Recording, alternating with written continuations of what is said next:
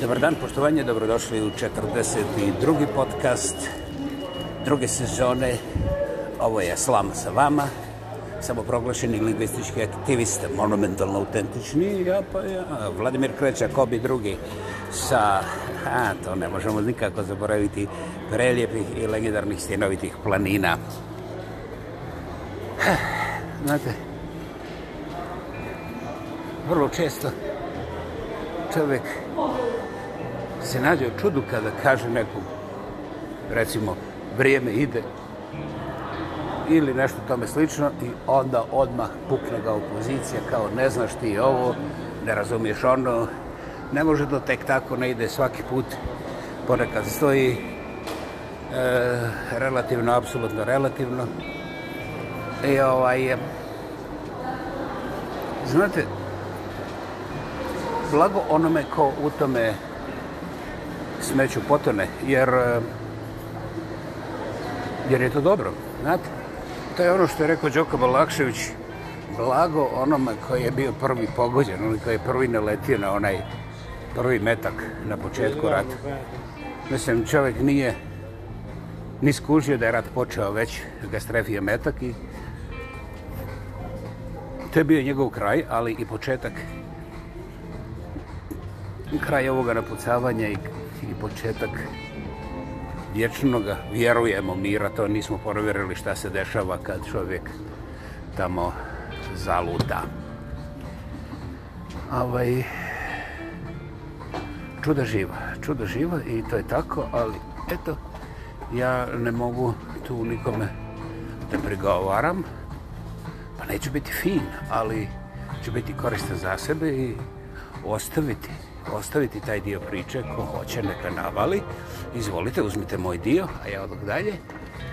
Ovaj, o cijeloj priči meni se dopalo što ovi neutralni, izbalansirani koji idu na posebne um, posebne i beskrajne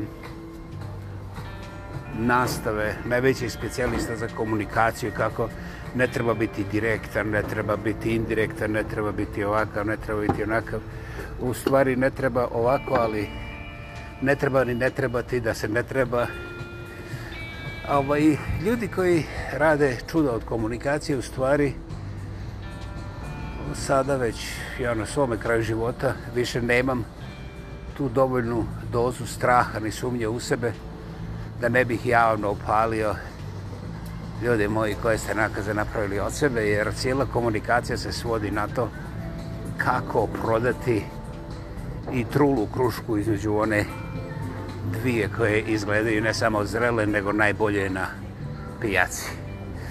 To nekako može proći, jer eto, te dvije, kad čovjek dođe kuće, znaš, ne isplati se za onu jednu vraćati nazad, pa čovjek to proguta tako da plati to smeće. Međutim, u ovim takozvanim modernim uvjetima svi ti pusti komunikatori, demokrate i znanstvenici su okrenuli stvar poprično radikalno, tako da umjesto te jedne trećine pokvarenoga, sada ste presretni ako imate nešto slično trećini, ali nepokvarenoga. Mislim, i to je preoptimistično, ali neću u detalje, jer, eto, ne želim da razočaram. Pošten svijet, jel? Eto, vidi, svi je mogu da odvalim. Eto ga.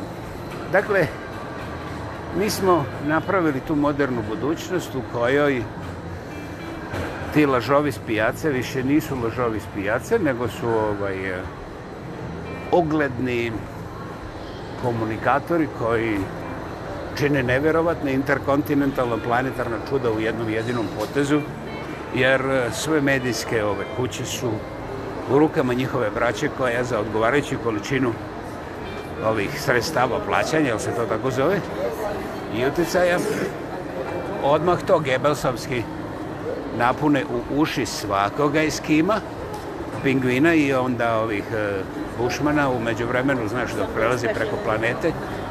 Dakle, ono, totalna informacija, Bože moj. I pošto je totalna, onda mora biti jedina istinita. Jer ko bi platio za toliko totalne informacije ako to nije istina? Otkud ova logika da pliva na površini? Znate, mene ne zanima. Čak me ne zanima zašto ljudi ne pitaju sebe da im je još prava kad govorila da samo govno uvijek pliva ovaj, na površini vode, pogotovo kad je toplo, onako mlako, smrljivo, sparno. Međutim, znate, to je već filozofiranje. Mi smo moderni, mi nećemo u to. Šta sam htio danas da vam skrenem pozornost pažnje? E, dobro ste čuli. Za one koje zanima lingvistička teorija, ovo je pleleonazam, jeste leleo od lele, to je bez glagola, ali sa velikim naglaskom na centralnu Srbiju. Ovaj, obrijanu, ne mislim na ove neobrijane. Dakle, gospode i drugovi moji, e, razmišljati šta su bake imale kakvu logiku je neodgovorno, jer, e, znaš, ko bi dao hiljadu i po dolara za taj takozvani pametni telefon, razumiješ bez obzira što je to kova nekakve plastike, mislim, ono, jednim dijelom čak i reciklirane, a ovaj, i da razmišlja o onome što je baka znala bez ikakvog telefona. Mislim, e, shvatate pon. Trebamo biti moderni, trebamo biti revolucionarni, Bože moj. Eto ga. I u ime te modernosti mi smo naravno zaboravili da istina nije vlasništvo određenih krugova koji imaju dovoljno novca da je plate. No. Ako bi govorili o temeljima svih globalnih religija koje nešto znači, ne zanimaju me kultovi te nekakve ulične svinjarije sa 500 članova maksimalno, onda u suštini svake religije stoji to da je apsolutni temeljni princip istina i da ta istina nema vlasnika. Naš jedino je gospod Bog iza nas i ne određujem ja tebi koliko je gospod Bog iza tebe ili koliko je iznad mene zbog toga, ne zbog toga što sam ja fin i dobar, nego ako vjerujem u toga Boga, onda, znaš, ne mogu sebi dozvoliti da mu ja budem bliži od recimo ove osobe broj 2 sa četvrte strane moga prednje, moje prednje noge na lijevoj strani desne zadnje noge. Ovaj, čim počnemo to proračunavati kao što vidite, percepcija više ne može stajati na jednom mjestu i luta, brate, kao kurve po onome Amsterdamu od jednog do drugog crvenog svjetla dok se ne pokaže sretno, mislim, dok ne nađe mušterije koje će hoće da plate cijenu, prvu cijenu bez dogovaranja. Izvolite, razmislite ponovo ove rečenice. Primijetit ćete da je Bog eliminiran onog momenta kada smo, bez obzira u kojoj religiji, počeli da raspravljamo sa koje pozicije istina istinitija. To je otprilike kao ko je vlasnik te istine, znaš ono ko joj je bliži, ko može da plati više da se ta istina čuje. Znate, ja se ne znam, možda u četvrtom razlogu osnovne škole, možda, možda i u petom. Mi smo pišali ovaj udalj, ne uvis. Kad smo, smo pišali uvis, kad su ne zajebali ovi stariji, pa smo otkrili da se dosta toga ovaj, vrati nama u facu. Dobro, mene ne zanima da bi demokracija rekla danas kako je to naš neki oblik seksanja, frustracija, burasacija i tako dalje. Stvarno me ne zanima, jer ovaj, mislim da vi imate puno bolji program na svojim internetu, na pornografskim stranicama, pa nemojte onda mene zagađivati sa bulaznima koje su, barem za mene, ovaj, deklasificirane, izvan upotrebe, ne zbog toga što sam ja fin, nefin ili izvolite nabrati bilo što, nego sam ne se interesiran. Ljudi, lijen sam. Kada mi spomeneš pišenje kao starom čovjeku koga prostata tu i tamo sjebava ko budalu, onda ja poludim jer nije zgodno ići 25 sati dnevno svakog dana na pišanje 347 puta, znate? Tako da čovjek čim se spomene piše ljudi. Ovaj, i, i, i, I vjerujte, u stvari ne morate vjerovati. Onaj čovjek ko u tim mukama može pomisliti na bilo kakav šmeks ili čak poljoprivredu, svaka mu čast. Ja ga častim pićem, ali da bude dalje od mene od mojeg WC-a, jer nikad se ne znam kada će mi zatrebati za sljedeće piškinje. Dakle, COVID, ne COVID, svađaju se ljudi.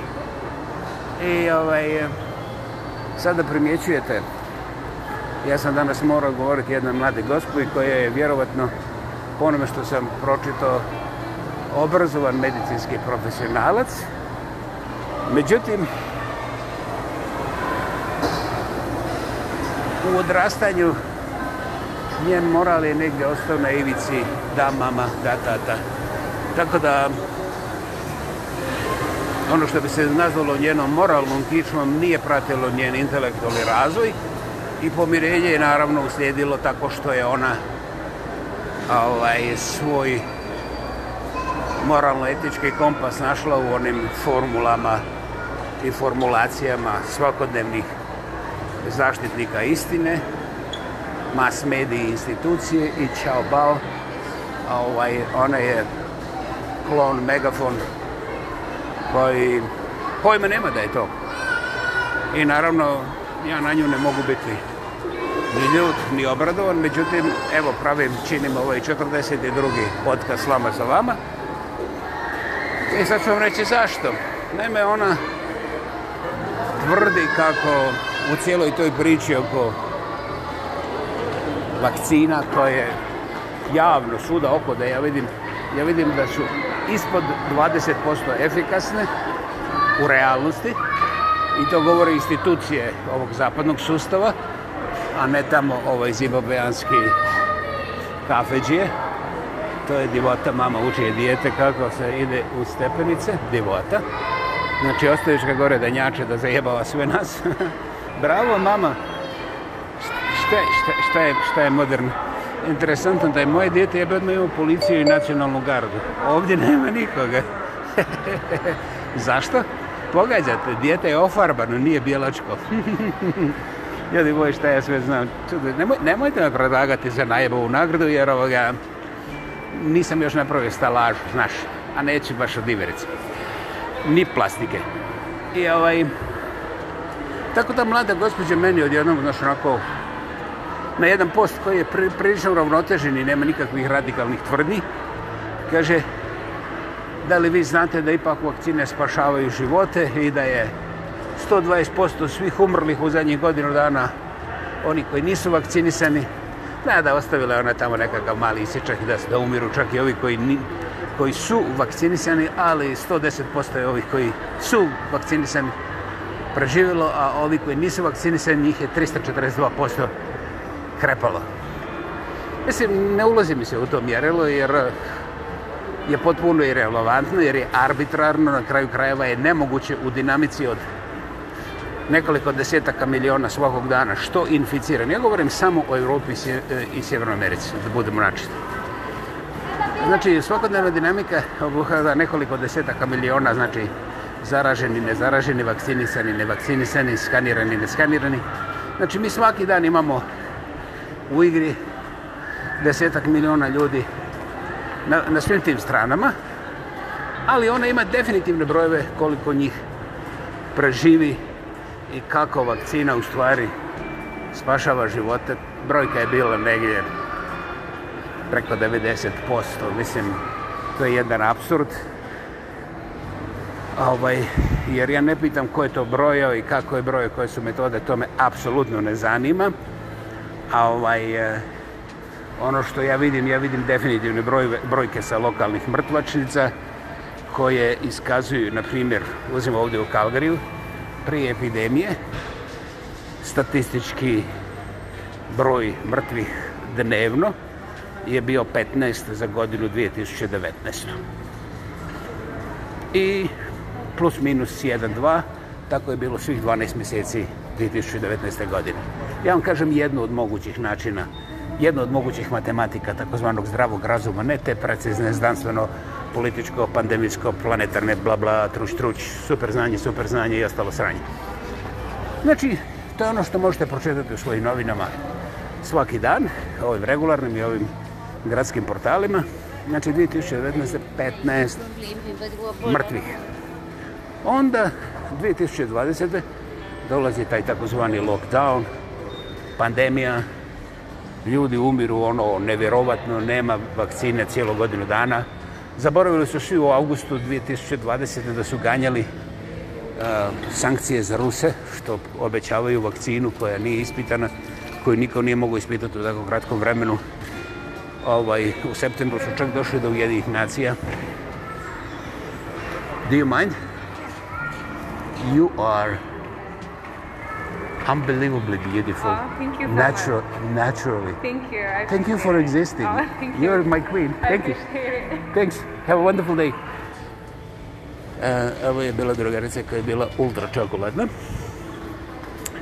Dakle, eh, svi su to zaboravili. Da su tada Rusi sankcionirali, mi ne bi imali Ukrajinu. Ali oni su se prepali pa su odustali od te... Uh, E, optužbe da je ta vakcina prevara, za koju se uspi, kad se ispostavljaju da je vrlo efikasna i zapravo da čak nije ni ruska, nego ruku su Rusu su ukrali iz britanskih ovih e, laboratorija, što je usjedilo naravno godinu, možda i godinu i po dana kasnije, nisam baš siguran za detalje, ali interesantno kad je bilo već sigurno da to radi, da tu nema nikakvog problema, e, onda je to odjednom postalo britanska stvar koju su ti šugavi, ljigavi Rusi i KGB pokrali jeste nikad osvojene tvrđave Velikobritanske. Zanimljivo, jel da? Znate, ovaj, kurve raj na sve strane, bože moj. A ovaj, naravno, kad ljudima govoriš otkud to te biraš, pa ja odavde iz Kanade, iz postinovitih planina, nemam drugog posla, nego znaš da rovari, da traži, znaš, gdje je meko meso i onda napadne, znaš, i onda, uf, samo, puf, i onda, znaš, to je istina, istisni ga i gotovo ko se našao tu gotovi, nema tu spasa. Ovaj, dakle, došla je ta 2020. godina sa svim tim plus minusima i ja opet gledam te iste brojke. Tamo piše zilion ljudi, ovdje, ja govorim lokalno sada, zilion ljudi se zarazilo, pocrkat ćemo svi za godinu dana, ovo će trajati 5 do 7 godina, ovo ne može da prestane, kinezi su nas zajebali, oni su opustili iz laboratorija, Znaš, to je ono što se trabunjalo na sav glas. Nisi mogu da ignoriraš, mislim, čak i kad ugaš televizor, gdje se god pojaveš, ljude žvaću samo to. I ovaj, ja sam ono rekao, pa dobro, što sad? Mislim, nema nikakve odbrane, nema nikakve vakcine, nema ništa, doktori ne mogu ništa napraviti, svi smo se zarazili, svi umiremo, I vjerovatno sam i ja mrtav, samo to ne znam. I onda sjednem ispred televizora da poigram neku igricu, onako dok ne crknem se, eto tako da nešto imam raditi. I nema bolesti, nema jebote miše, nisam, nisam, nisam, ovaj, nisam mrtav, nisam ovaj crko, nisam zaražen. Ali ovaj kaže, sa televizije jeste, onaj se radija jeste, kad izviš na ulicu i nema ljudi, mislim, ono kao socijalno distan, distanciranje. Ja kažem fizičko, kaže ne, ne, ne, ne, ne, ne, fizičko, ne, ne, to je dva metra. Ja kažem, pa dva metra je fizičko, a ne sad... Ne, ne razumiješ ti. Ok, dobro, ja nikad nisam razumio, to je dobro. Tako sam se ja socijalno distancirao na puno više od dva metra i čekam da geknem, čekam da krepam. Cijelu 2020. godinu nisam krepao, ali onda pod kraj godine sjetim se ove moje malo čas spomenute statističke metode i provjerim lokalne portale, novine, a čak odem i do nekih groblja jer su ovaj, šta ja znam, mirna, fina, čista, uređena, razumiješ? I očekivao sam tamo da ću čekati u redu, ono, znaš, 2, 3, 4, 5 kilometara, jer mislim, pošto je pandemija, ljudi umiru prekoredno, prekovremeno, mislim, tragedija, katastrofa i tome slično. Nema nikakvog čekanja. Parkinga ima i s lijeve i s desne strane, na glavnom, sporednom i ostalim okolo grobnim pozicijama, nema problema. Možete čak i voziti se po groblju, nema ni stražara. Čak i kamere koje su gore, niko ne nadzire. Jebote miš. Ovaj, dobro, ja sam tako obišao groblja, naučio sam puno oko tih naših kalgarijanskih groblja, o kome, o čemu ću ja u stvari napraviti nekoliko podcasta, tek da bih rekao par sitnica koje jesu doista fascinantne. Međutim, za ovaj 42. podcast je najvažnije što sam ja obilazeći ta groblje i onda čitajući brojke za 2020. godinu. 2021. ću zostaviti, ona je prilično slična. To bi sličilo onda sve na dokazni postupak, a jebe me se za dokaze. Uglavnom, znašte, 2019. je plus minus 1, 2, 15 dnevni broj smrtnih slučajeva. 2020. godine, 2020 osim pandemije nije bilo nikakve katastrofe. Naime, nisu nas napali Iračani, Afganistanci nijednu raketu nisu ispalili ovamo, a sve ove sjevernokorejske rakete su pale negdje u Pacifiku, tako da nijedna nije dohodila Kravograd moj u kome ja živim. I ovaj, pošto nijedan autobus nije eksplodirao, nijedan vlak nije izletio u školu, znači nije bilo tih zabilježenih katastrofa, nije bilo potresa, poplova, tsunamija. Znači, Jebiš ga, da nije bilo COVID, da sve je bilo normalno. I taj COVID je tako pandemički opasan i smrtožedan. Međutim, zanimljivo, 2020. godine bila su dva mjeseca kad je prosječni broj smrtnih slučajeva bio statistički malo ispod 13 dnevno.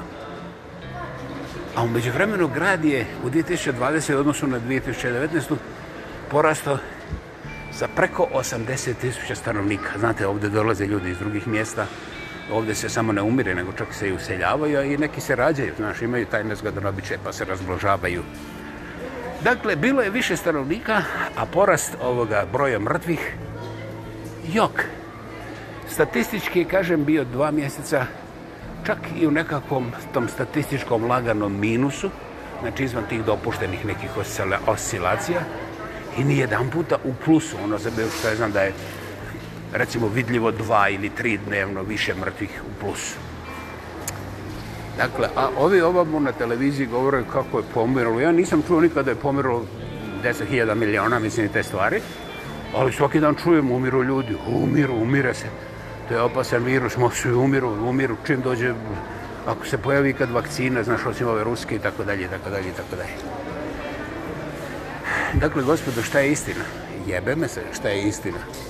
Znate, jer onaj prvi metak me promašio, a ovaj, šta se desilo sa onim ostalima, kojih je sigurno bilo više od dva, ne znam.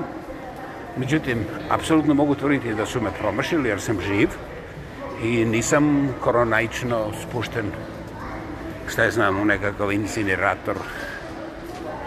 Ono, još sam prisutan tu, znači još se računam ne samo statistički, nego i faktički živ. A ovaj, I onda dolazi ta jedna mlada gospođa koja meni kaže kako je ne razumijem koji su napori i kako se to ulaže i predlaže i nalaže za spašavanje života i ljudi i šta je pandemija i kako vakcina bi trebalo biti moje elementarno obrazovanje još dok sam se rodio. Znači ulazim u nekakve duboke medicinske tehnike i znanja kao profesionalci. Joj, gospodin, šta mislite da tako počnemo razmišljati o takozvanom općem obrazovanju? Ono koje počinje sa takozvanom općom kulturom ili barem principima opće kulture. Njek, nemamo vremena, ali to nije moj razlog. To je samo isprika da skratim, nećemo o tome ja joj kažem, pa kad ste tako moralni, kad meni objašnjavate kako ovdje nema para, ja trebam da naučim što je vakcina, zašto onda niste tako moralni da razmatrate malo situaciju sa Afrikom i sa Južnom Amerikom, na primjer, da ne lazimo dalja vremena, jer ovaj... Znate, problem je kada vi govorite da novac nije u pitanju, zašto su dva cijela kontinenta sa preko milijardu i 500 miliona ljudi onako ostavljena kao ubalegana štala. Niko ih neće ni pogledati. A? Otkud to? A ovaj, naravno, ne tražim odgovor. E, ja znam da ste i vi žrtva. Ja znam da vi vjerujete. Ja nisam ovaj, a, ovdje istraživač istine, pogotovo ne isterivač nekakve planetarne istine, znate. Ne zanima me. Međutim, kažem je u zaključku priče, vi dugujete sebi pogledati stvari. Pazite, dva puta pogledati. E, da li ćete progledati, to ovisi o vama. Međutim, čak i kad mislite, znači kad mislite da vam je jasno, vi ste dužni sebi dva put pogledati, jer eto, ako niste pogledali, nego ste zaključili, onda vi govorite da je vaš mozak apsolutno istinit, da ne može omanuti, a da moj a priori uvijek šuplje priče lupa. Dakle, vi imate eh, eh, organičkog dušmana u meni i u svemu onome što je oko mene. Ne zato što ću ja skočiti na vas, da, ne dolazi obzir. Nego zbog toga što će svi oni meni slični preći preko vas kao preko nepostojiće činjenice jer vi onako ne priznajete stvarnost oko sebe nego živite u nekakvom izoliranom kosmosu svojih uvjerenja koje su projicirane na temelju vaših kako vi vjerujete, superiornih morđanih impulsa. Ja vam doista poklanjam šansu za, za, za vas, za sebe. Pogledati, pogledati, pa ćete možda i progledati. Zaključivanje na temelju takozvanih znanja vodila se vazda u krvova, blatnjava i ovaj, smrljiva krvava neznanja. Bila ovo 42. akcija podcasta Slama sa Vama. Samoproglašeni lingvistički aktivista, monumentalno autentični ja pa ja, ko bi drugi Vladimir Kreća sa preljepih i stenovitih planina. Još jednom, bilo mi veliko zadovoljstvo podijelite ih nekoliko riječi sa vama. Želim vam dugo toplo ljeto, uspješno i sveto. to naravno u zdravlju, snazi i blagodeti.